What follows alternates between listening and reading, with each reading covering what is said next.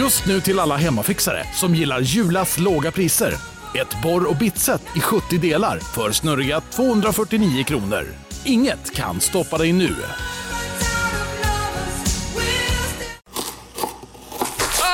Dåliga vibrationer är att skära av sig tummen i köket. Ja! Bra vibrationer är att du har en tumme till och kan scrolla vidare. Få bra vibrationer med Vimla. Mobiloperatören med Sveriges nöjdaste kunder enligt SKI. Du lyssnar på en podd från Perfect Day. Jag tar, tar en julmust. Light. Asså. Jag fortsätter med lite vin här Ja, i kvällens eh, anda. ja vi eh, har en lite speciell inspelning här. En nattinspelning, Mm. kan vi kalla det.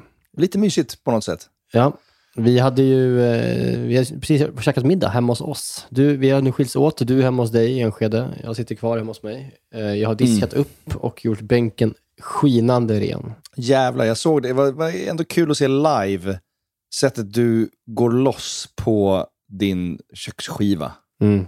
med den där Mm. jävla sprayen. Hur mycket spray går åt i veckan? Ja, men det, går, det går en liter i veckan. Alltså det är inte skämt. Nej, det är inget skämt. You're not playing around with this shit. Nej, nej, nej. Nej, nej. Alltså, Nej, nej, jäv- nej, den är så alltså, det, alltså det, ja, som sagt, jag har sagt det förut, men jag vet inte, men det, det, jag, typ, det känns som att det finns, att jag har liksom hyvlat ner bänken en centimeter sen jag bott, alltså på den, det Ja. halvåret jag bott, jag har bott. Ja. Så att, ehm, ja, nej men det var, vi har i alla fall haft middag och vi ska prata om den rätten som vi gjorde ikväll. Vi har ju eh, setts med våra familjer, bestämdes bara så här någon timme innan vi sågs. Mm. Och så hade jag och Maja på varsitt håll känt ett jävla sug efter svamprisotto. Mm. Som de platta små hösthororna som vi är. Ja, det är verkligen platta hösthorornas högtid Ja.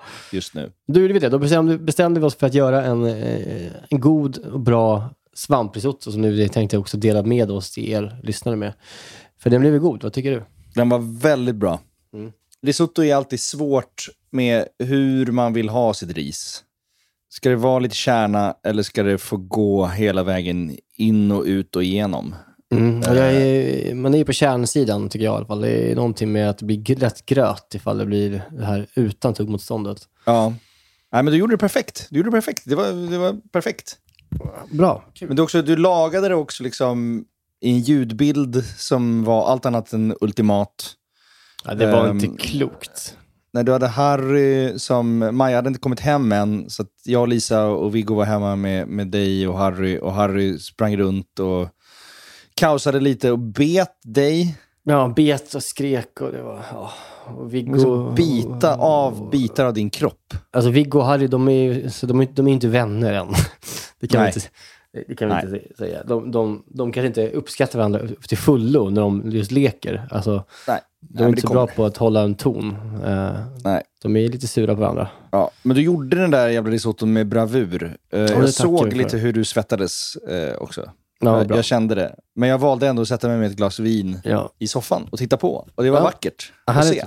Då ska vi eh, snart senare såklart i podden eh, gå igenom den här risotto. Det är vissa små, små detaljer som är lite speciella med den här som eh, Mm. vi ska ge tips och tricks om. Det är liksom genvägar till, till succé.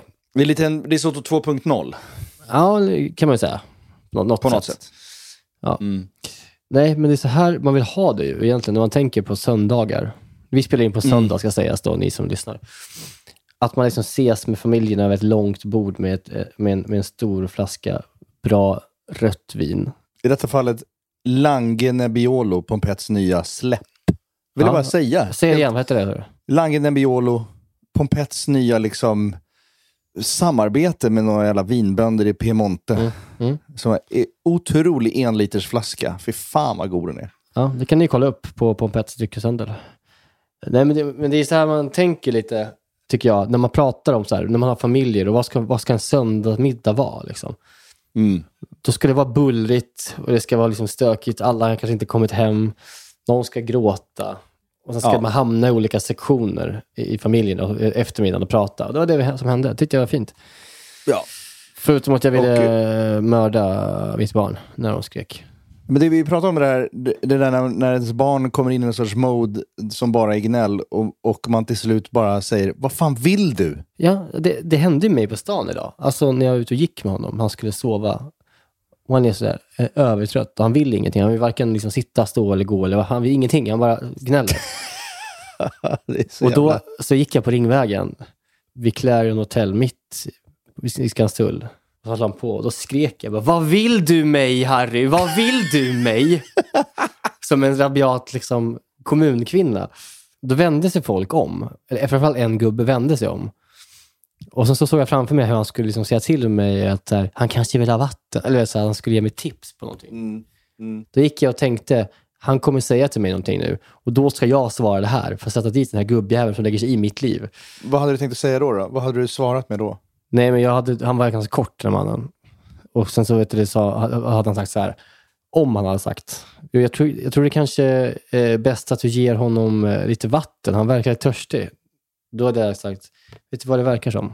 Det verkar som att du är helt jävla dum i huvudet. Så tar du stänger igen det jävla kakhålet och tar dina små äckliga jävla taxiben och bara går härifrån. Annars kommer jag sänka dig gubbjävel. Ja. Ja. Alltså att man, att, att man liksom är steg två i bråket i huvudet. Mm. Alltså, det är ingen Ja. som har sagt, bara, han var, det, det var en galen man som sk- skriker vad vill du mig till, ett beb, till en bebis. Han hade ju rätt att titta. Ja. I en svart tracksuit. Ja. Jag hade Armani tracksuit. Och liksom keps och såg ut som en, jag vet inte vad. Så att, eh, nej, all cred, till den korta taxmannen. Ja, han ville bara väl. Ja, det vill han verkligen. Han sa ju ingenting heller. Han var, gjorde allt rätt. Men du, du vet att man kan liksom, när man, när man är där, där nere, då är det så mörkt. Och sen blir man så för fruktansvärt besviken på sig själv att man inte har tålamodet Ja. eller orken att lösa problemet. För att det är ens... Liksom, kontraktet man skriver på när man bestämmer sig för att skaffa barn är att ha tålamod Mm. och orka. Och kunna ta konflikter. Verkligen. Eh, Men så när man fallerar i det, då blir man så... Det är, det är så fruktansvärt eh, misslyckande ju, Ja. som förälder. Och det är någonting som jag tycker man borde nästan prata om innan man ska ha barn, alltså med en psykolog. Alltså någon som är, det, du måste bli bra på att tåla, ha tålamod. Du måste bli bra på att liksom välja bort dig själv på ett sätt som inte gör avkall på något annat än... Ja, men du måste liksom, man måste förbereda sig på ett annat sätt. Jag är inte Ja. alls beredd på det här. Men, men eh, sen så är det ju så att det är ju också ganska bra att ha barn Mm. ibland. Mm, ja, ja. ja. Mm. Ja. Nej, det är kul, det är kul eh, och sådär. Men det, de är också jobbiga. Det är det bästa som finns och det jobbigaste som finns. Ja. Det, det, Det har vi sagt förr och kommer vi säga igen. För att ja. det, det är ju, ja, som ni alla vet så är jag ju pappaledig och sitter här på kvällarna och gör sånt här när barnet sover. Men jag har haft liksom en, en vecka nu där jag mått väldigt bra av att vara pappaledig. Veckan innan så var det inte bra. Det är liksom Nej. bara så här, jag, jag, jag visste inte vad jag skulle göra med av dagarna. Allting bara så här var som ett jävla- jävla mörker. och Att man, man gick bara runt på Söder med en barnvagn utan plan och Ja. väntade in nästa sovstund för sitt Ja, barn. nej, det, ja, gud, ja, jag känner igen det där. Det där är inte så, det är, det är onödigt att man ska behöva ha det så. Och så sa jag det till Maja, liksom, att så här, fan, jag mår inget bra i det här. Typ, så, nu. Och man vill inte Nej. gnälla heller, de har ju gått där liksom, i ett år. Och med, ja, du vet, det, det, man ligger i underläge, så att säga. Mm. Jag har varit ledig en och en halv månad och de börjar gnälla. Mm. Liksom. Man, man Ja. hatar sig själv för det. Men då, då, då hjälpte hon mig i det ändå. Alltså, då, här, då ritar vi upp nästa vecka. Så här, du bokar upp, träffar kompisar, boka upp träffar i morsa, boka upp eh, när du ska träna. Alltså, sätt, vi gjorde vi en veckoplan, skrev ner det. Och så blev det liksom att varje dag när man hade bokat upp det så hade man liksom ändå en, ett mål med dagen. Ja, just det. För annars har jag tänkt att äh, man tar det som det kommer, man är ledig. Men så blir ingenting gjort istället. Men det hjälpte mig enormt mycket. Med att bara, bara skriva ner veckan som kommer. Och skapa planer. När man har så planlöst liv man har. Ja, just det. Så att du, du vet var du är på väg och eh, liksom, vad som kommer hända och Mm. du mår bra av det. Du mår ju Exakt. bra av ordning och reda. Ja, jag gör det. Men jag vill ju, man, man, jag tror ju att jag är en person som vill, vill bara ta det som det kommer. Men då händer ju ingenting. Nej. Nej, så det var väldigt, det kan jag tipsa er som är föräldralediga om. Att så här, boka upp, träffa folk, eh, alltså boka rent fysiskt upp innan och bara så här, gör någonting av dagarna. Så Mm. du har liksom små oaser av delmål när dagen eh, går. För då kommer dagen också gå på ett sätt som den inte gör annars. Nej. Du slipper skrika “Vad vill du mig?” på Ringvägen. Tips från coachen Niklas Niemi.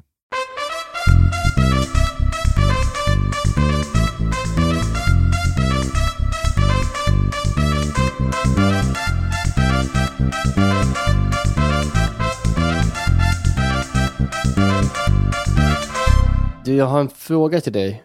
Ja. Jag såg på, jag vet inte om det är ett skämt eller om du är allvarlig. Du, du skrev på Twitter här för i veckan som var. Det med någonting med att du eh, blir mobbad av din flickvän för att du har med dig kylväska till affären. Så det är ett skämt eller? Nej, nej, nej, nej, det är klart jag har det.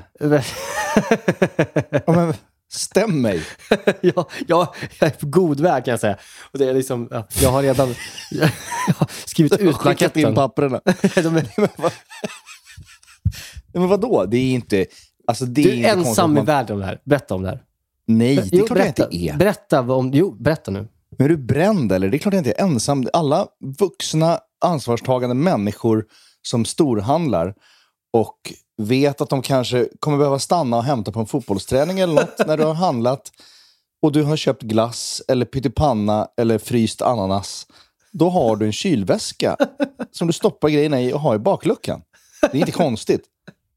Fan, jag tycker det är så jävla sjukt. Nej, men, ja, men det var ju, det var ju, jag har ju det när jag ska storhandla och jag vet att jag kanske inte kommer att åka hem. Jag har inte alltid en kylväska med mig varje gång jag handlar. Nej, Snälla rara. Det, lät som att du gick, alltså, nu, jag gick till liksom Ica i liksom Sandsborg där du bor.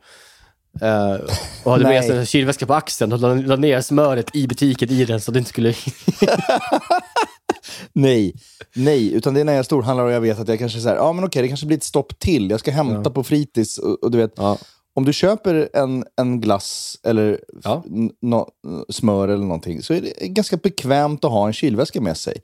Och så hade jag det och Lisa och jag åkte och storhandlade och hon sa då till mig när jag gick med bestämda steg mot Willys i Sköndal med min randiga kylväska. Att, då sa hon, det är inte jätteknulligt att du har en kyl kylväska. Du kan väl ändå ha kvar den i bilen? Det är så här, fan ha kvar den i bilen och sen får du fan packa upp det. Du kan inte ha med dig kylväskan in i butiken. Jo, för att du själv Nej. skannar och då kan du, jo, Det här, där, Jo. där går gränsen. Jag, jag köper, ha, har den i bakluckan gömd i din jävla Lexus där bak med tonade rutor ingen ser. Men du kan inte sitta, gå, gå runt med en randig, liksom så här solblekt 80-tals eh, kylväska inne på liksom Willys och själv skanna ner varorna i dina jävla kylklampar. Nej, men du måste förstå att jag har liksom inget, jag har ingen prestige kvar vad det gäller att vara knullig eller någonting. Alltså jag är det. 43, jag har tre barn. Ja. Jag, liksom, det är klart, om jag vill ha en kylväska med mig för Willys så kommer jag ha det. Jag behöver inte, jag behöver inte vara knullig för någon, förutom liksom Lisa då möjligtvis. Men ja, du jag vet själv inte. skannar. Att du har klart. in... Du går med din äckliga lilla blipp. Så jävla bekvämt. Åh fy fan. Vem har lärt dig det här? Det måste vara någon mörk. Välkommen till vuxenvärlden, Niklas. Nej, det här, Liksom, det här har ingen människa gjort. Det här är ändå... Nej, fy fan. Jag, jag, jag blev...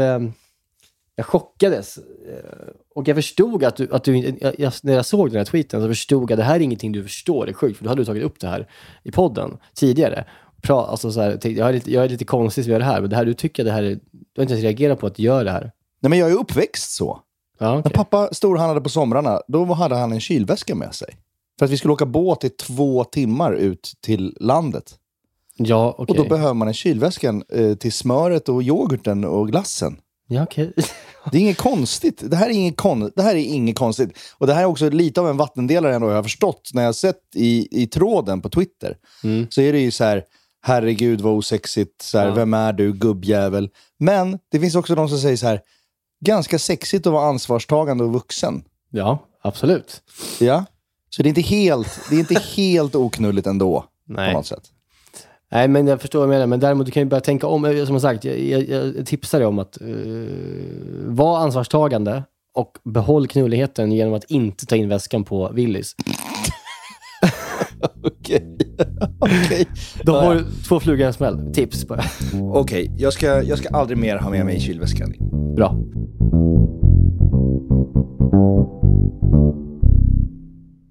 Vi är den här veckan sponsrade av Bosch och framförallt köksmaskinen serie 6. Serie 6, maskinen som kommer få både dig och mig, och, eller redan har fått både dig och mig att börja baka mycket mer än vad vi redan gör. Och detta gör vi då med hjälp av Bosch eh, serie 6. En av anledningarna till att den är så jävla bra är ju också att den har, den har en unik 3D-rörelse som ser till att degen arbetas ordentligt och att alla ingredienser fångas upp i botten av skålen. Den har också sensordrivna program som gör att maskinen känner av till exempel när degen är färdigt, har knådats tillräckligt. Och den stannar då när degen är perfekt knådad. Vi kommer ju släppa ett extra avsnitt eh, snart, eh, där vi har en gäst. Mm. Seina Mortada. Ja, så jävla Seinas härlig. Kitchen. Så jävla härlig kvinna. Älskar henne. Seina är ju en mästare på brödbakning. Och hon använder ju själv serie 6, så man förstår ju ändå att det är bra grejer där. Ja, den är också så här rejäl, stadig. Den kan alltså bearbeta upp till 3,5 kilo deg i den här 5,5 liters skålen. Så du kan göra ordentliga degar i den här. Integrerad timer, våg. Att den har en inbyggd Ja. våg. Så du behöver inte hålla på och måtta upp med decilitermått eller någonting. Du kan hälla på tills du ser att det är rätt mängd gram. Ja, och, och inte bara att den har en och två vågar till och med. Det är både den som är i själva skålen och så har du upp på själva armen där själva kroken sitter i, så finns det liksom ytterligare en våg. Det- Något som tyder på ett väldigt stor, stor maskinslugn är ju att man kan få prova på hemma 100 dagar med fri retur. Ja. 100 dagar! Jag har ju länge drömt om att bli mer som min mamma. Min, min mamma, när vi är på landet, då bakar hon ju bröd varje kväll. Vi är 12 pers där, då bakar hon frukostbröd till alla som är färskt på Ja. dagen efter. Jag vill ju föra det här vidare. Där är ju Bosch serie 6, det är lösningen för att den är så enkel att använda. Bosch serie 6 finns att köpa hos Power. Och där kan man även läsa mer om själva köksmaskinen. Vi tackar Bosch. Vi tackar Bosch. Dankeschön. Vi tackar Bosch och vi påminner också om att det snart kommer ett specialavsnitt med Bosch och Zeina. Danke. Dankeschön. Vi är den här veckan sponsrade av 7up Zero Sugar. Yes, den här underbara läsken med citron och limesmak som du ju också då finns i 7up Zero Sugar. Det är ju ändå en väldigt bra måltidsdryck. Ja, men alltså det är ju det. För att om, om man tänker på det, det fräscha och lätta och det svalkande. Det är citron och det limeiga. Upplyftande citron och lime, förstår du? Alltså Ja. det, det är klart att det, det, nästan, jag tror faktiskt inte det finns någonting egentligen som, som blir sämre, alltså mat, av att dricka 7up. Nej. Förstår du nej, vad jag menar? Alltså nej. här, den smaken är så pass liksom ren och clean och liksom svalkande och allt det där. Mm. Du fattar? Jag tänker nu, nu närmar sig valborg här. Det ska, det ska ändå komma lite värme. Att liksom bara Mm. hälla upp en 7-Up med is och citron i ett kallt glas i trädgården. Mm. Och kanske grilla så här, kyckling Mm. på rotisserie. Har du gjort det någon gång? Nej, men det, det kanske är något som faktiskt eh, den här, jag kommer börja med i sommar. Med en fräsch syrlig sallad, Exakt. lite primörer och sen ett uppfriskande glas 7-Up Zero Sugar. De sista åren när Zero har tagit liksom över marknaden så, så blir man ju glad eh, varje gång man upptäcker att liksom ens gamla favoriter som 7-Up ändå har varit genom åren. Och bara, ja, det är klart att det finns i Zero också. Den här smaken är verkligen... Alltså jag kopplar den starkt till sommaren och sommaren står Ja. framför oss. Så det är bara att langa in lite 7-Up i kylen eh, och eh, ta dig an sommaren på ett värdigt sätt. Vi hälsar sommaren välkommen och knäpper en 7-Up Zero Sugar. Lyssna bara på det här ljudet. Vi är den här veckan sponsrade av Pilsner Urquell, våra vänner på Pilsner Urquell. Ja, de har blivit som en fast punkt för oss ju.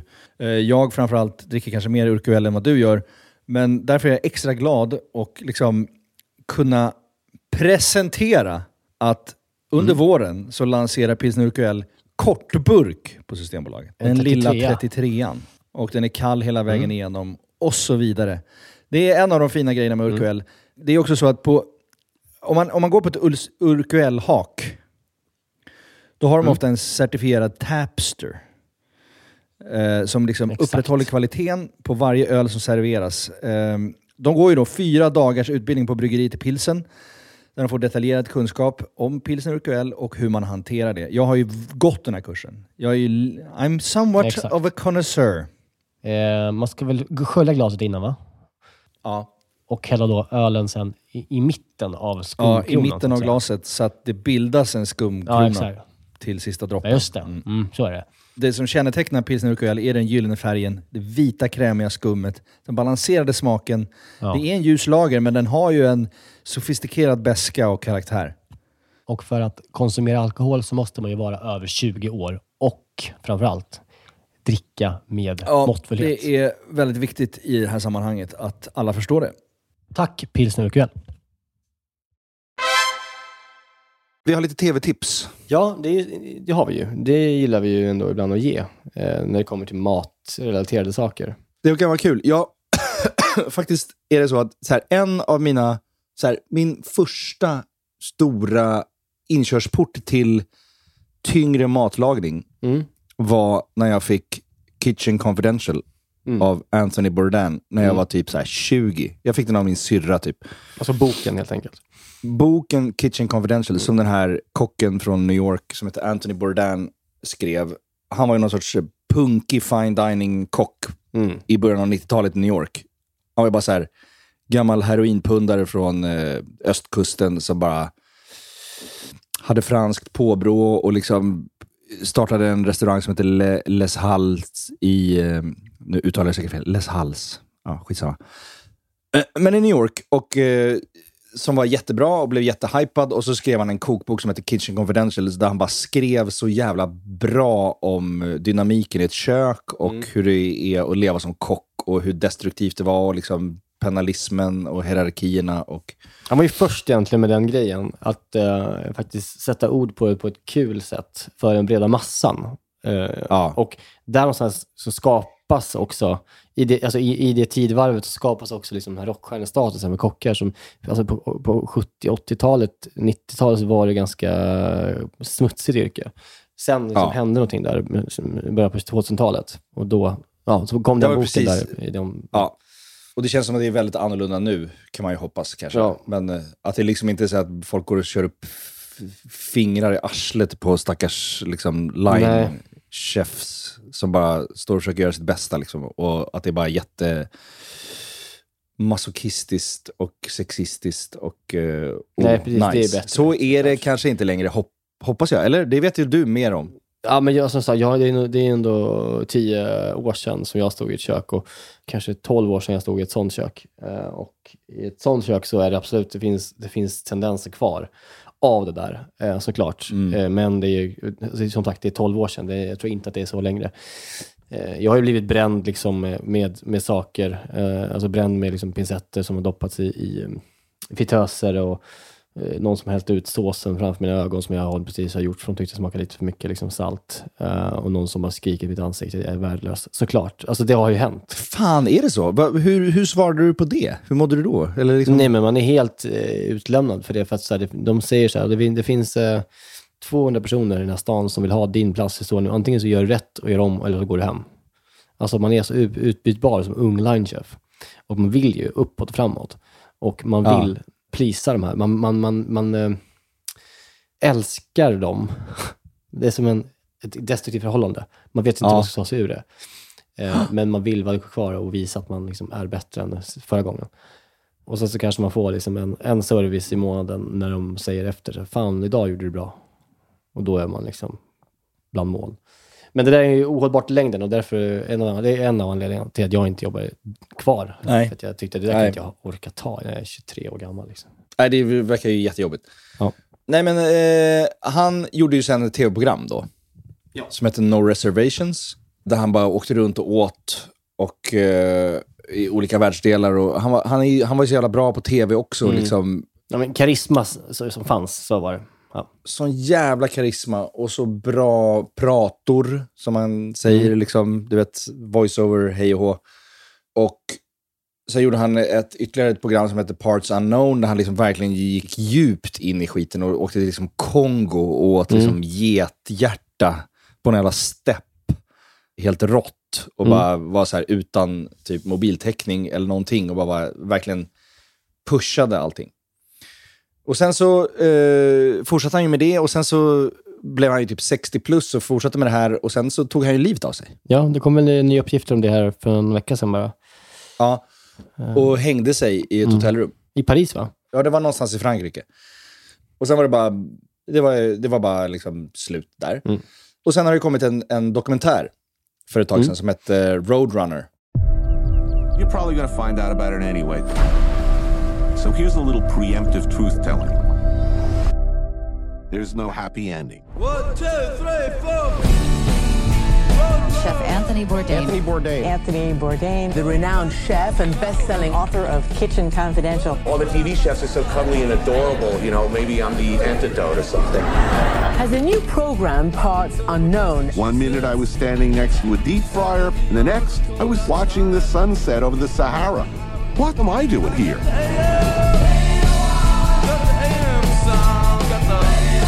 I said earlier that I was going to tell you the truth. This is part of it.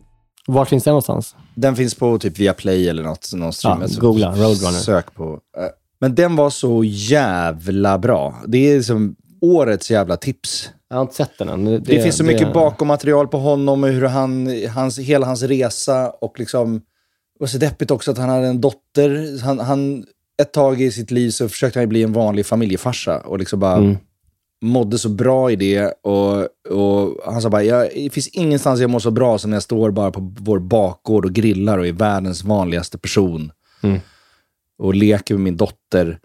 Men sen fanns det ändå ett mörker som gjorde att han bara sökte sig ut och ville bara åka till Kongo och liksom äta konstigt och bara inte vara hemma. Och till slut så träffar han då en kvinna i Italien som är dotter till den här eh, Argento. Eh, jag vet inte namnet exakt, men han, han träffar en, en, en italiensk skådespelarkvinna som han blir superkär i. Mm. Och han blir så kär så att han liksom låter henne regissera avsnitt av hans tv-program. Mm. Som blev skitdåliga. Och ja, det var inte så bra liksom. Och han, blir, han, han mår liksom sämre och sämre och han är jättekär i henne. Och sen så är han då i Frankrike och ser på tabloiderna att hon har eh, liksom synts med en ung, snygg fransk skådis. Mm. Och eh, han blir helt knäckt. Enligt do- dokumentären Ja, blir han helt ja. knäckt och det är då han hänger sig. Ja, och den, oavsett, det, är, det, är, ja, det är ingen spoiler här som att det här är nyheter. Eh, Nej, alltså, men det, nej, det är det verkligen inte. Men det är också så här, det, det känns också som att eh, dokumentären är lite så här tendentiös, att den är så lite lätt förklaring, så klassisk så Beatles. Det kom in en kvinna och förstörde Ja, ja, Beatles och att det var en kvinna som förstörde Anthony Bourdain. Mm. Eh, det kan man tycka vad man vill om och man får se filmen och eh, bilda sin egen uppfattning. Jag tror att det är en enkel lösning på ett komplext Men varför liksom, skulle du säga att det är liksom scenario. eh, årets eh, tv-tips då? Ja, men det är ju det, för att om man älskar Anthony Modern, älskar mat och älskar liksom att bara folk som upptäcker livet och vill maximera livet, så blir man extremt inspirerad. Och jag känner själv att man bara, fan, måste bara ut och äta och upptäcka världen. Det gör Ja. man ju inte. Det gör Nej. inte. Hur upptäcker vi världen? Ingenting. Nej, visst. Det gör man ju inte. Vi bara går runt här. Man går till en jävla marknad. eh, Ja, vi reser ingenting. Eller någonting. Vi går runt på Ringvägen och skriker på våra barn. Vad vill du mig? Det är det vi gör. ja. Men det var därför det var väldigt inspirerande att se den. Den tipsar jag alla om. Och där kom vi in på ett annat tv-tips som både du och jag börjar titta på nu. ja, Som är lite hypad, som också har med mat att göra. och vi har sett lika mycket har av med- den. Ja, Det ska sägas. och det är ju Eh, den här The Bear. Nej, The Bear. Det blir en björn ändå. Det är ingen The. Bear. Ja, väl. The Bear. 25 pounds? No, no, no. I ordered 200. Where is beef? You still got that meat connect? You get 1250 for that on eBay. Boom. You cut vegetables like a bitch. Not system. System, baby. System. System! This is your brother's house. I was running it fine without you. Why didn't he leave it to you then? Eh, som finns på Disney+, Plus som handlar om en eh, fine dining-chef som plötsligt tar över sin typ så här, morbrors restaurang någonstans i Chicago. Nej, med sin, eh, sin eh, döde bror. Ja, just det. Sin döde bror. Och den är så jävla, jag har bara sett två avsnitt, men den är så jävla intensiv och bra och äkta och kul. Så att man blir helt sänkt matt. av hur bra det blir, är. man blir matt av tempot och köksscenernas. Liksom. Ja. den in- intensiteten som eh, de får fram i, i alla scener i köket, när de bråkar och skriker och när de Ja, det är så bra. lagar mat. Det är liksom, eh, det är inte som att se skrivet drama på något vis. Alltså det känns som att det liksom är Gordon Ramsay som står i en så här, eh, alltså i de här programmen som när han räddade upp kök och skit. Alltså så här, Ja. det är ett stökig bild, det är liksom svettigt, det är blod, det är liksom skrik, det är liksom cool eh, Chicago-dialekt. Och han är så Ja. jävla bra skådespelare ju. ja, fy fan. Vet du vad han heter? Nej, jag har aldrig sett honom förut. Eh, men jag upptäckte honom eh, för kanske tio år sedan. Och han spelade en, en karaktär som heter Lip i den här serien Shameless eh, från Mhm. 2011. Den amerikanska varianten, det finns en brittisk variant också. Mm, mm. Den med eh, William H. Macy och Amy Ja. Rossum. Eh, och där spelar han en, sån, en, en, en av brorsorna i familjen. Och han är helt otrolig där. Alltså sinnessjukt. Så Utspelar också i Chicago, eh, så han är därifrån. Och det, ja, det är samma bildspråk typ som i den serien. Men Ah, han är ja, så jävla, jävla bra. Uh. Han ser så jävla cool ut också. Ja, ja, men det är. Han ser ut som en sån här 50-tals fulsnygg. Han har lång överläpp. Men han också, man får en känsla av att han, han är också någon så här... Så när man kollar på så här eh, Al Pacino, hans absolut tidigaste grejer liksom, på 70-talet. När han var bara så här ung, jävla liksom hippie Mm. med långt hår som bara gjorde konstiga filmer. Mm. Eh, det är lite den känslan på honom. Att bara Mm. så här, den här snubben is going places. Mhm. Han kommer bli sin generations stora skådespelare. Alltså, han är så bra. Jeremy Allen White. Uh, han är riktigt bra och den här serien, då, den, den, vi har sett två avsnitt som sagt. Och uh, jag älskar det. Det är ju en kittlande liksom, premiss, liksom, att han kommer dit och blir motarbetad av sina kusiner som driver stället tillsammans, uh, som dels stället tillsammans med hans brorsa. Liksom. Och det liksom är slöa jävlar, men han har, han har visioner och ambitioner med det här och blir motarbetad då kanske. Eh, sådär. Så vi, vi får se vad den landar i, men den, den är ju eh, unik i sitt sätt ändå, i sin liksom, intensitet och liksom, hur den är, i liksom, hur den berättas tycker jag. Ja, och hur den också beskriver matlagningen på Ja. något sätt, utan att göra det till en stor grej, men det är ändå så mycket kärlek i det. Typ, när Mm. de bara steker stora köttbitar. Ja. De, gör, de försöker inte göra matporr, men det finns ändå där. Nej, men precis, det, det är inte det är finns ändå vitlök som bilder. smälter i olivolja. Va? Ja, precis. Det är, inte att, det, är, inte så att det är vacker matlagning, men det är liksom en, en, en kärnfull matlagning. Man känner, så här, man känner hur det doftar i köket liksom, när de Ja. steker grejerna. Ja, den är ärlig och bra. Den ska ni, ni se. The Bear på eh, Disney+. Plus. Fruktansvärt bra. Se The Bear och Roadrunner på tv. Och eh, prata om den med oss. Det blir bra. Ja, jag har ju sett bara lite kort här, en, en sista grej om, om tv. Jag, jag har ju sett på Halv åtta hos mig här nu i veckan. Just det. Mm. Är det en ny säsong eller? Ja, det är det. Mm, det gillar du? Ja, men jag gillar det. Fan, det, det, det är ändå mysigt att se in hur folk har det och sådär. Det, Mm. Men då var de hos en otrolig kvinna nu uppe i, i Mora, som heter Maj-Lis, som är taxichaufför. Mm. Eh, tips då, alla kollar in eh, för förra veckans, eller ni ser, Mora-veckan, eh, Mora-Orsa-veckan i eh, Halv åtta hos mig. Kolla på Simor. Där i alla fall finns hon, och hon är en sån totalt fri själ, en sån här kvinna som bara så här, hon dansar hur mycket som helst i, i avsnittet och bara skrattar och är så här ro. Alltså, det är så här en 60-årig kvinna som inte har några hämningar. Kan vi lyssna lite på det eller? Ja, vi kan lyssna på den här. Idag ska vi hem till Mona Lis som med sitt mystiska leende sprider glädje och energi runt omkring sig. Det snöar och snöar och himlen är grå. Jag tycker inte att jag har någon energi alls. Jag tycker inte det, men jag tror folk uppfattar mig som har väldigt mycket energi. Svar ja. Och att glädja människor är ju bland det finaste som finns. Jag älskar människor, det är ju så. Ja, och det är bra. Men ibland så då kanske man tar över lite för mycket, det vet jag. Men det är bra att du tar över ibland. Du har ju tagit över en taxirörelse till exempel. Vad är det bästa med att köra droska? Ja, men det är människomötena. Det är ju det.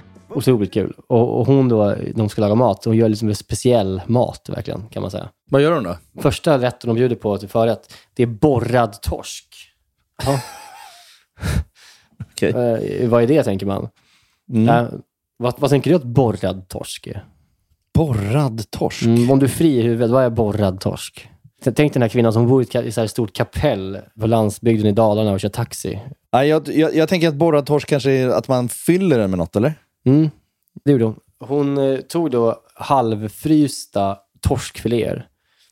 Så, tar, så tar tantaluringen fram en stor jävla borr och borrar två hål rätt ner i, i, i eh, breda hål, som kanske är två centimeter i, i diameter. Eh, rätt igenom den där jävla torsken, flyger torsk hela köket. Och sen så tar, tar hon fram abborre, abborrfärs och fyller den här abborrhålen, eller torskhålen med abbor, abborre. Nej, men. Eh, och så kokar hon det. Hon är otrolig. Vi kan lyssna lite på det också när hon, när hon presenterar. Hur kom man på idén att borra in abborre i torsken? Jag bara kom på, jag, vak jag vaknade en morgon så bara får du mun på mig. Ja, jag ska borra en torsk. Så upptäckte det passar bäst när man är halvfryst. När den är färsk då vill snurrar det bara runt. Va? Ska vi berätta hur det såg ut? Torsk i hela köket. Ja. ja, det var helt galet. Ja, och sen så till huvudrätt så, så hade, hade de liksom ingen så här plan riktigt.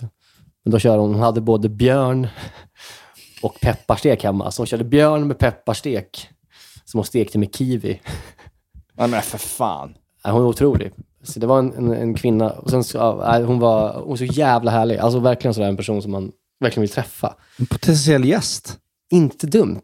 Hon var så jävla glad och fin person. Nej, bra. Vi har borrad torskkvinnan och Jackie Färm på gång. Ja. ja nu, är vi, nu är vi klara. Nej men fan vad kul. Det, det var väldigt intressant att se. Hon, var en, hon är med i alla fyra avsnitt givetvis, så man får ju njuta av henne i alla avsnitt om man, om man kollar på alla fyra som finns med henne. Kul. Halv åtta hos mig är ett eh, trevligt program. Då har vi tre tv-tips idag. Är det. Ska vi gå på eh, det här med mat?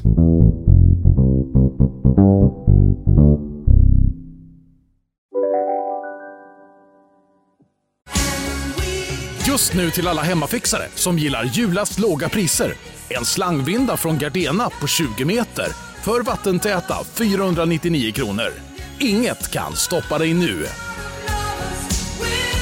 Om en sous är på väg till dig för att du hörde en kollega prata om det och du råkar ljuga om att du också hade en och att den var så himla bra att maten blev så otroligt god och innan du visste ordet av hade du bjudit hem kollegan på middag nästa helg för att du sålt in din lågtempererade stek så bra att du var tvungen att beställa en på nätet fort som attan. Och ja! Då finns det i alla fall flera smarta sätt att beställa hem din sous på. Som till våra paketboxar, placerade på en plats nära dig och tillgängliga dygnet runt. Hälsningar Postnord. Ja, Hallå? Pizzeria Grandiosa? Jag vill ha en Grandiosa capriciosa och en pepperoni. haha, något mer? Med kaffefilter. Ja, Okej, ses samma. Grandiosa, hela Sveriges hempizza. Den med mycket på.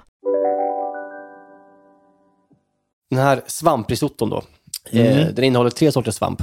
Och det är kantarell, som är färsk. Och sen så är det såna här torkade trattkantareller. Eh, och så är det färska, vanliga, fina champinjoner. Eh, det är de tre som finns. Men det som är då lite speciellt med den här, det är att det finns mascarpone i. När man avslutar, när man rundar av den här risotton så drar man i lite mascarpone tillsammans med det andra goda. Och det var ju väldigt speciellt. Jag hade gjort, aldrig gjort det tidigare, men jag tänkte, tänkte att det här blir gott och det blev det. Men det man behöver mer då, utöver de här fyra sakerna jag nyss sa, så är det då kycklingfond, schalottenlök, parmesan, arboreoris, vitt vin, salvia, olivolja, smör och citron. Det är det. Och eh, ja, alla, många kan göra en risotto, så är det ju. Och när man gör en risotto så brukar man ju många prata om att man inte ska använda sig av liksom färdiga buljongtärningar, för det är så mycket salt i dem. Mm. Mm. Och det är en sanning som är, stämmer såklart. Alltså det är mycket salt i färdiga sådana. Men man har inte heller alltid tiden att sitta och bränna, bränna av, en, göra en egen kycklingfond. För man ska ju ha ofta höns eller kycklingbuljong i en, i en eh, sån här. Så är det ju. Man ska inte ha liksom en jävla tjock liksom, oxfond. Då blir det bara, då tar det för mycket smak. Ja, det blir Eh, för mustigt. Ja, så jag kom på ett sätt då att, att runda det här. Att runda fondproblematiken. Halvrunda, ska sägas. Och det var att jag, jag tar en, en buljongtärning. Eller jag hade, sån, jag hade liksom, du vet den här som är lite mer geléiga, knorrs. Ja, just liksom. det. Ja. Men det jag gör är att jag tar liksom en påse såna trattkantareller som är, som är torkade, som är då 15 gram. Eh, och sen så tog jag liksom en liter vatten ungefär. Och sen så kokade jag upp vattnet och lät liksom de här torkade svamparna åka med ner i kokande vattnet och sen så att de kokade typ 3-5 minuter, drog det åt sidan, så fick det och dra i 20 minuter typ. Mm. Eh, tillsammans med en av de här buljongerna då. Så att det blir liksom ändå liksom lite tryck från buljongen, men också massa, massa svampsmak. Så då kommer jag, sen tar jag ur de här svamparna ur fonden och skär ner dem för att sen ha ner i risotton. Och sen så har jag det här vattnet att spä hela risotton med under vägens gång tills risotton blir klar. Och det var ett, en lyckträff, ska sägas. Det var verkligen, det, gick, det blev superbra. Och det är ett bra sätt att, att runda det här. Men när man gör risotton då, eh, till att börja med så eh, är det vitlök och schalottenlök tillsammans med den här torkade svampen som nu är blötlagd. Och den så bara hackar jag ner i små molekyler, bara jättelitet. Eh, Så jag börjar med att svetta av svampen så att den liksom får gå och sen så eh, efter det så går jag i med vitlöken och löken och eh, låter dem också bara så svettas ordentligt ihop så att de liksom blir, alla smaker bara kommer ur. Rör runt med en härlig träslev som det är alltid man ska göra med risotto. Jag vet inte varför, men man gör det. Och när man har, har fått en bra liksom, smak på de här löken, vitlöken och svampen så går man i med risottoriset. Och då kan man räkna ungefär 120, om man vill, om man vill eh, hålla koll på mycket mängd så brukar man räkna på ungefär 100 gram per person. Kan man ta, så tar man lite extra. Mm. Eh, det är ungefär lagom. Och sen så eh, när man har blandat ihop det här, eh, arborio-riset med eh, löken och svampen, så kan man gå in med lite mer olivolja. Och sen så ska man, det här tycker jag är viktigt med risotto, att man liksom låter riset gå rätt länge ihop med det här utan att lägga i, innan man lägger in resten. För då, man ska liksom se att riskornen blir liksom lite så här, de blir lite glansiga nästan lite, inte genomskinliga, men du förstår vad jag menar, de får liksom Ja, en, en glans. Och efter det så går man i med vitt vin, kanske på den här mängden, sen två deciliter ungefär, och låter det helt och hållet koka ur. Och sen så är det bara att spä med din ny- nyss gjorda fond. Och när man gör risotton sen så ska man inte heller ha full patte på plattan, utan man kör kanske på femman på en, på en 10 grader, på halv, halv fart av värmen. Så att riskornen hinner liksom kokas ordentligt och gå med och få, liksom, bli tjockt och krämigt. Det är det som är någon sorts tjusning med risotto, är att det är den mest curlade rätten man kan tänka sig. Fan vad den kräver omsorg och Mm. tid och eh, uppmärksamhet. Och det är både det som är det härliga och också lite jobbiga. Men Exakt. det är så värt det. För det är ju 20 minuter av ett ständigt så här, låta eh, riskornen ändå vara liksom, ligga i, eh, ha tillräckligt med vätska och samtidigt inte lägga i för mycket åt gången så att liksom det kokas. Det ska liksom hela tiden liksom krämas ihop och liksom, ja, kokas Mm. av sig själv på något vis. Så att man, man får ha koll där och man, det kanske blir en 7, 8, 10 späd, spänningar med den här. Eh, Ja, absolut. Och mitt, eh, det här, den här fonden tog ju slut för mig mitt i. Jag gjorde för lite. Så jag bara spädde på med lite vatten och det räcker. För de har, man har satt grunden här. För grunden finns där med, med den här eh, fonden. Så att om du tar slut, i med lite vatten och du, det viktigaste, kommer jag säga, när man gör risotto, det är att man har varm fond på sidan. Den får, har den på tvåan på inkastur bredvid. För att det inte ska eh, ta så lång tid för eh, fonden att koka upp när man lägger ner den i riset. Det är väldigt viktigt. För då avstannar man processen, så blir det dåligt. Men när man har liksom, kanske man känner att man har kanske 3-5 minuter kvar, så är det bara att steka sin färska champinjon. Stenhårt i olja. Mm. Låt den ligga i 2-3 minuter på en sida och sen så bara på med salt, peppar och sen så i med smör innan du swishar runt det. Sen är det bara att låta det där gå ordentligt. Eh, tills de blir fina och krispiga och fina och härliga. Mm. Eh, och sen så börjar ju då den, din risotto bli klar. Och det jag avslutar risotton med är ju då mascarpone, parmesan, citron och smör. Det är liksom det som är sista touchen. Och salt och peppar då givetvis. Mascarponen är ju lite okosher att ha i sådär. Det är ju lite... Mm. Men det är inte ost. helt... Nej, det är ost och kräm. Det är krämig ost så att säga. Det blir ju Ja. liksom, det hjälper till för att få krämigheten. Det är inget måste. I normala fall har man i en, en stor busslast parmesan bara. Ja, och smör ofta. Och smör, ja, Ja. precis. Men nu har man mascarpone, men det tillför någon typ av extra krämighet, gräddighet. Mm. Ja. Och ändå ostsmak. Mm, jag gillar liksom. Så att, eh, det är det. Och sen på toppen, när den här risotton är helt klar. Du är precis klar med allting. Du har bara smakat av med citron och salt och allting. Bara känner den här är perfekt nu. Mm. Då skär upp det som ska vara på toppen också. Och då har jag färsk salvia som jag liksom tar blad för blad, lägger dem på varandra, rullar ihop dem och så skär dem liksom i strimlor. Och, så tar jag eh, champinjon och skär dem råtunt. Alltså så här så att Mm. de nästan, alltså så tunt så att, eh, helt råa. Och bara tunt, tunt, tunt. Så tar jag lite av smör från kantarellerna också ner i, i risotto vill jag säga. Det, det är gott. Mm. Eh, men när jag lägger upp då, så lägger jag upp allt i en hög på en tallrik. Så här, så här tycker jag ett, ett test för om risotto tycker jag håller en bra liksom, konsistens. Man lägger eh, risotton i mitten på en tallrik och sen så liksom tar man upp tallriken och liksom välter tallriken ut åt sidorna så att risotton liksom, den ska liksom inte ha något problem med att flyta ut. Den ska vara så pass rinnig, tycker jag. Precis. Och sen så är det bara på med din, din jävligt goda stekta kantarell på toppen. Och sen de här tunna, tunna, tunna, tunna flakesen av champinjon. Och sen så ännu mer parmesan på toppen. Och sen så tar vi också den här tunt skurna salvian och avslutar med lite, lite olivolja på toppen bara. Sen så är den ju där.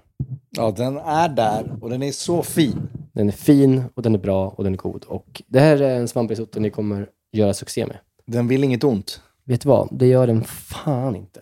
Den var jävligt god Niklas, det ska du ha. Ja, vad roligt. Ja, men här, det här är som sagt, det är hösthorigt, men det är platt, men det är gott. det är det. Det är det, men det är också, också en, en, en viktig grej också. Barn älskar den. Ja, men din son, alltså fan. Viggo Viggo. åt, man kan laga, barn gillar annat än falukorv och makaroner. Mm. De gillar också risotto. Det är faktiskt väldigt bra för alla våra lyssnare som liksom kämpar kanske lite med vad, vad, vad småbarn ska äta och inte äta. Exakt. Och, och vill in, vad de inte vill äta. och risotto funkar för småbarn. Ja, det är kul att man kan äta tillsammans med sitt barn för en jävla gångs skull.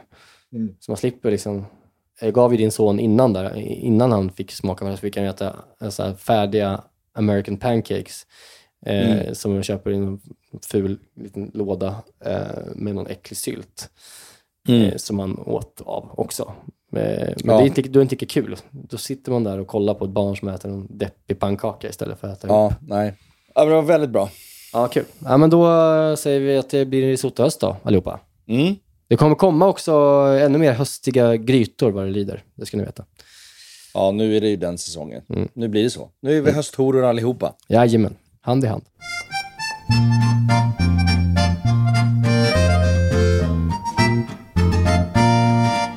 Frågelådan. Du hade någon bra fråga som du pratade om på middagen redan? eller? Ja, men jag fick ju ett, eh, ett DM Mm. Eh, till eh, vår Instagram av en eh, kvinna som vi kan kalla för Sara. Och hon skriver så här. Jag har en kille som arbetar som kock. Han har jobbat som det i över 30 år, så han har väldigt lång erfarenhet. Varje gång vi ses hemma hos honom så lagar han mat till oss och jag blir riktigt bortskämd med mycket god mat. Men när vi är hos mig så får han en sån enorm ångest över att behöva laga mat som han sen ska bedöma. Det har hänt några gånger att han pikat mig. Till exempel pannkakorna kanske var lite väl mörka. Det kanske var för mycket salt, det smakar inte så mycket och så vidare. Detta säger han givetvis inte på något sätt som är elakt. Eh, men det gör att jag inte vill laga mat till honom och jag känner mig dum och att det alltid är han som får stå och laga mat trots att vi är hos mig. Hur kommer jag över tröskeln? Jag är inte helt borta i köket och jag tycker det är väldigt kul att laga mat. Men till honom känns det bara jobbigt. Mm. Där är, där är väl eh, säkert jättevanligt om man lever med en kock. Ja. Eller generellt bara någon som är, om en i förhållandet är bättre att laga mat så blir det ju väldigt jobbigt ofta. Men är det, så, är det så problematiskt egentligen? Nej. Kan inte han här, Man är få- bra på olika saker. För Precis. människor är bra på olika saker. Ja. Alltså hon, är säkert, hon, hon, ser, hon säger att hon inte är helt borta i köket och det är hon ju säkert inte. Hon har ju obviously ett intresse kring mat för att lyssna på den här podden. Så är det ju. Eh, Ja. men, men jag menar bara så här, om han och ni mår bra av att äta hans mat. Han mår säkert Mm. jättebra också att laga mat. Han, han känner sig nog ganska uppskattad av att äta, att han får laga mat till... Finaste Sara. Då kanske det ska vara deras grej, att han lagar maten ändå. Så kan hon göra saker hon eh, anser sig bättre på än honom. Ja. Alltså, ja, det låter ju hårt. Sara lagar inte mat. alltså, det, det... Nej, men eh, li- lite så kan jag känna att, att det är så här. I ett förhållande så går det ut mycket på att komplettera varandra och, och så här. En, någon kanske är jättebra på att planera eller eh, ha, köpa fina möbler och eh, liksom hålla ordning Bestämma på inredning, ja. ja. Ja, men, så, hon kanske är jättebra på att ha, ha ett öga för inredning. Eller liksom, ja. Och någon är bra på att laga mat och då får man kanske känna så här, jag är bra på det här, du är bra på Mm. det här. Vi kompletterar varandra på det här sättet. Mm. Om han är en jävla supermatlagare så fan, låt honom laga mat då. Mm. kan du bara sitta och dricka vin och kolla på och njuta. För jag, det jag tror, kanske av egen erfarenhet kan jag säga det, så tror jag inte att det går att ändra på honom. Om man tar upp det här som ett problem. Alltså jag upplever att jag tycker jobbigt att laga mat till dig för att du är så bra på det här och du kanske säger, att, du kanske säger vad du tycker, att det här var, ja, pika med att det var för salt och så här. Det är ju någonting som han alltid kommer göra. alltså så är det bara. Och om det är så att ni tar upp det som ett stort problem och du lagar mat och han sitter där och håller minen, så att säga, om han nu anser att någonting är lite fel, då kommer man bli jätte, kommer bli stelt bara. Mm. Eller så får man bara tugga i sig att någon säger att det är lite för salt. Men så kan man också vända på det på något sätt och säga så här, vad, vad är det som, liksom, om man ska försöka se det från olika håll, så är det ju på något sätt också lite problematiskt att som man liksom bara claima matlagningen. Och Bara säga, jag är bäst på att laga mat, därför ska jag laga maten. Ja, det är fel också. Men det är, det är, också, det är också lite fel. Alltså, både du och jag i våra förhållanden så har ju, i alla fall eller liksom Lisa, hon, hon lagar inte mat. Nej. Hon lagade jättemycket mat innan vi blev Mm. ihop. Mm. Men sen så är jag så jävla aktiv i min Mm. matlagning. Så att hon har slutat laga mat. Mm. Och det är lite deppigt på ett sätt. Ja, men som sagt, välj glädjen här. Alltså det kan ju vara så att det, hon vet att du mår bra av att laga mat. Ja. Ja, och och eh, du vet att hon kanske inte älskar att göra det till dig. Nej, precis. Men jag kan inte låta bli att tänka på att man kanske är liksom, ja, jag vet inte. Det är något som, är, det är något som skaver lite. Ja, vi, vi gick ju ut hårt här med, ganska, med, med liksom ett väldigt så här, tydligt så här, laga inte mat. Det, det kanske, jag fan får nog revidera det lite känner jag nu. Laga mat för fan. 30 år som kock, vet du vad det säger med mig? Att han är trött på livet. Han Mm. behöver vidga sina vyer. Han kanske ska äta med bränd pannkaka en gång och veta vad det är. Lå, jag bara låta Sara laga mat och göra något annat liksom. Ja, nej, jag vet inte. Fan vad svårt Jag det vet var inte hur man ska göra ett förhållande. Ja, det är jättesvårt. Bra fråga. Kanske den bästa frågan vi har fått. Ja, vi kanske får eh, svar på eh, DM från andra människor som har bättre svar än oss. Så kan jag vidarebefordra det till Sara. Eh, om hon inte känner sig liksom glad med det som vi har nu skrivit, sagt. Gärna, för det känns som att vi inte hade några pangsvar. Vi idioter. Dennis säger, hatar ni egentligen er jingel? Men känner er tvingade att prisa den PGA Krunis? Om förra frågan var den bästa frågan vi har fått, Mm. så var det här den dummaste frågan vi har fått. Alltså vi älskar ju den på riktigt. Alltså, det, det hoppas jag verkligen framgår. Dennis, som stavar, stavar, stavar jingeln med G. Dennis, vi älskar våran jingel. Den är Ja. fan helt otrolig. Bara för det ska vi spela den en gång till här nu.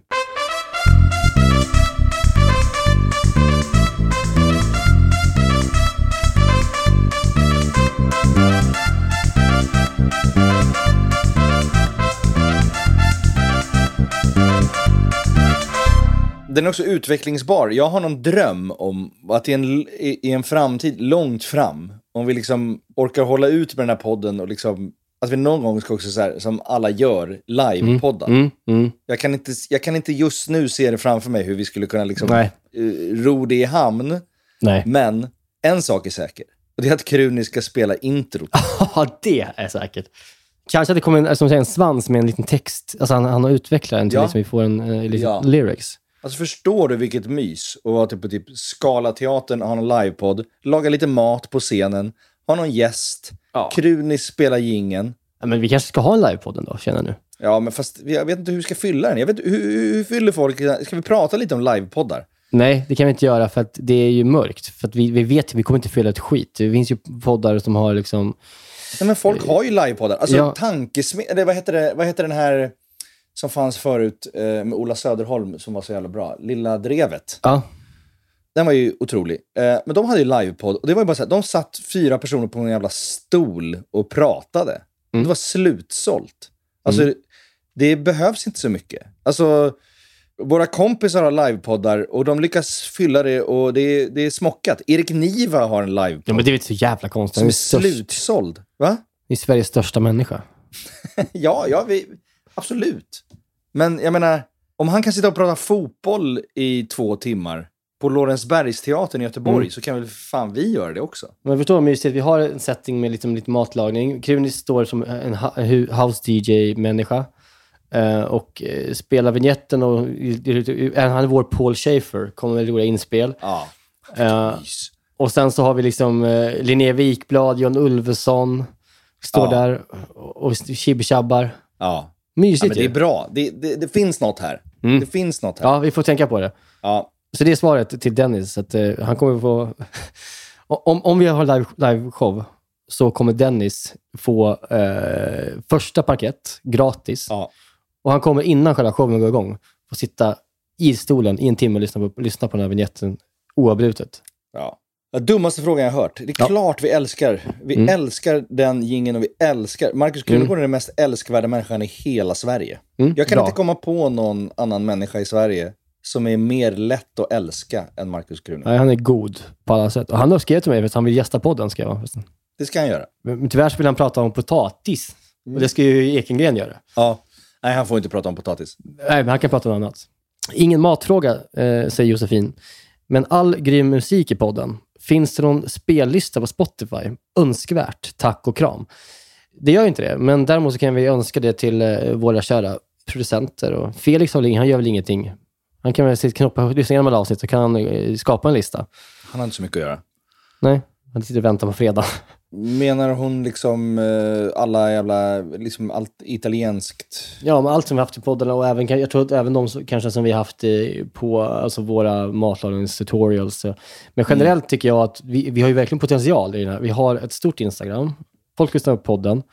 Vi skulle ju kunna också skapa en, den ultimata, verkligen, matlagningsspellistan också. Som Ja, kan bli lite... För det vet man ju själv när man jag, jag sitter på middag och man säger, vad fan ska vi ha för musik som inte, inte... Man vill inte att någon ska styra musiken, den ska bara gå. Och då Mm. ska det vara musik som är liksom optimal för det. Och där tycker jag vi har jobb att göra framöver. Det skulle vi kunna göra faktiskt. Det är sådana saker som man ska kunna sätta, sätta tänderna i nu Mm. eh, i höst. Johanna Byström undrar, blev det någon date night eh, för er två efter avsnittet med Amanda? Eh, ja, jag, jag skulle ju på date Ja. night den kvällen, så att, eh, absolut. Mm. Vi eh, hade nog inte det. Jo, vi hade fan igår ju. Förrgår. Fredags. Så mm. lämnade vi bort Harry första gången ordentligt. Eh, att han fick sova borta hos sin mormor. Och sen så gick jag och Maja ut. Eh, och så gick vi till eh, Vina, som det heter. Som ligger på Nytorget, som är en vinbar. Jävligt trevligt att ha varit där. Åh, vad trevligt. Nej, Har du har varit? varit där. Nej, jättehärlig. Ja, det är så här, vi tog mest in liksom sardeller och lite eh, gurka smetana historier och lite korvar och eh, en bläckfisk som var helt sjukt god som låg i någon paprikasås faktiskt. Den var jättegod. Gud, vad trevligt. Satt vi där länge och bara eh, drack och, och plockade det där. Det var asgott. Och sen så blev man lite fulla ihop och så gick vi till en ny bar som ligger på, på Söder. Som, nu, folk som har koll på Söder vet att Bananas finns. Bananas är en pizzaställe, väl? Kan Mm. man säga det? Jävligt bra pizzor liksom. De här tunna. Jättebra. Trevligt ställe. Underbart. Ja. Och de har startat en bar, som heter Bananas bar, som är skitsnygg och bra och otroliga drinkar. Jag drack vodka martini till helvetets eh, bröt loss. Och det helvetet innebar att vi kom flera. Felix, som vi pratade om precis, vår producent, kom dit också. Det var inte helvetet, det var Mm. trevligt. Men han, är ju, han gillar ju att dricka. Mm. Mm. Och då fick jag mig att dricka mer än jag skulle göra. Mm. Så jag, vet vad jag gjorde? Jag alltså gick rakt ut från stället. Tänk inte att du spydde. Då jag Spydde fan- rätt på ett träd, eh, 100 meter från restaurangen. Då. Jag gick bort en bit. Jag tillbaka. Fan vad färsk du är alltså. Hur ofta dricker jag sådär? Och det kommer en hetsig jävla smålänning som säger Vad ska dricka? Är du 18 eller? Liksom, vad fan, man spyr inte när man dricker, när man har passerat 30. när man har passerat 25. Man, man spyr. Spyr gjorde man när man gick på studentskivor. Men är du verkligen rätt person att uttala det här? Jag spyr aldrig. Men du kanske, nej, men du, du kan ju inte gå eller prata ibland. Nej, men jag spyr inte. Vad är bäst? Somna sittandes på en restaurang som man behöver- behöver ledas ut ifrån. Eller gå ut själv och spy och komma tillbaka och dricka mer. Vad tycker du är trevligast? ja, kanske, kanske har du en poäng där. Men nej, jag, ja, nej, ja. Nej, nej men det ska man inte göra. Det fattar vi det också.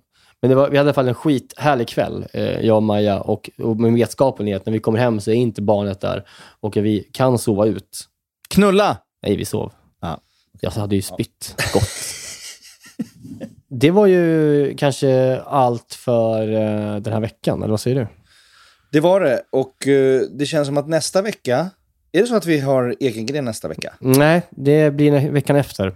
Eh, så har vi. Ekengren som gäst. Så vi har ett, ett vanligt till avsnitt nästa vecka. Då kommer vi eh, snacka Bœuf Bourguignon. Mm. Hösthoreriet fortsätter. Låt oss. Och Låt jag har, oss. har hittat, det finns ett recept där ute som måste lyftas till skyarna och spridas med vinden. Som är det bästa, bästa receptet på en böff som finns. Och det ska ni få veta nästa vecka. Är det Mobergs? Jag brukar laga Mobergs. Det är inte Morbergs. Ingenting han har gjort eh, är min favorit. Så är det. Han känns som han Nej, har okej. pissig attityd. Jag gillar inte det. Ja, vad fan. Vem, vem har inte pissig attityd? Alltså, eller... Ja. Ja. Okej, men han lagar god mat. Moberg, Ja, ja. Man kan säga mycket om Moberg, men han lagar fan kanonmat. Ja. Sen är han superproblematisk på många sätt. Men fan vad han... Han lagar inte jättegod mat. Eh, vi klarar helt enkelt. Och eh, jag tycker att för att vi ska kunna behålla den här känslan från middagen vi hade ihop. Du dricker rödvin och liksom mår bra. Mm. Vi har sett en serie som heter The Bear, som vi båda älskar. Vi hoppas att den håller nu, eh, långt ut. Mm. Och eh, jag tycker Mm. vi ska gå ut på en låt som behåller Ja. känslan. Kan du, eh, har du någon? Jag tror den avslutades eh, avsnitt ett eller två. Och det var så här, det var som en chock. Att man, den låten fanns inte i, min, i mitt huvud. Den har inte funnits i mitt huvud på 25 år. Avsnitt ett av The Bear, menar du? Ja, avsnitt ett eller två avslutade den. Mm. Och den har inte funnits i mitt huvud på 20-25 år. Men det var Porch från Pearl Jams liksom bästa skiva, 10. Mm. Och den är så jävla bra. Och de bara avslutar ett avsnitt med den helt random. Mm. Och det var så jävla mäktigt och vackert. Ungefär som här då. Ja, vi tackar er för ett lite halvsladdrigt avsnitt. Eh, vi kommer tillbaka nästa vecka. Sen blir det potatis, sen blir det mys, sen är det höst och vi är med er och ni är med oss. Och det är vi glada för. Laga Puss. risotto. Puss.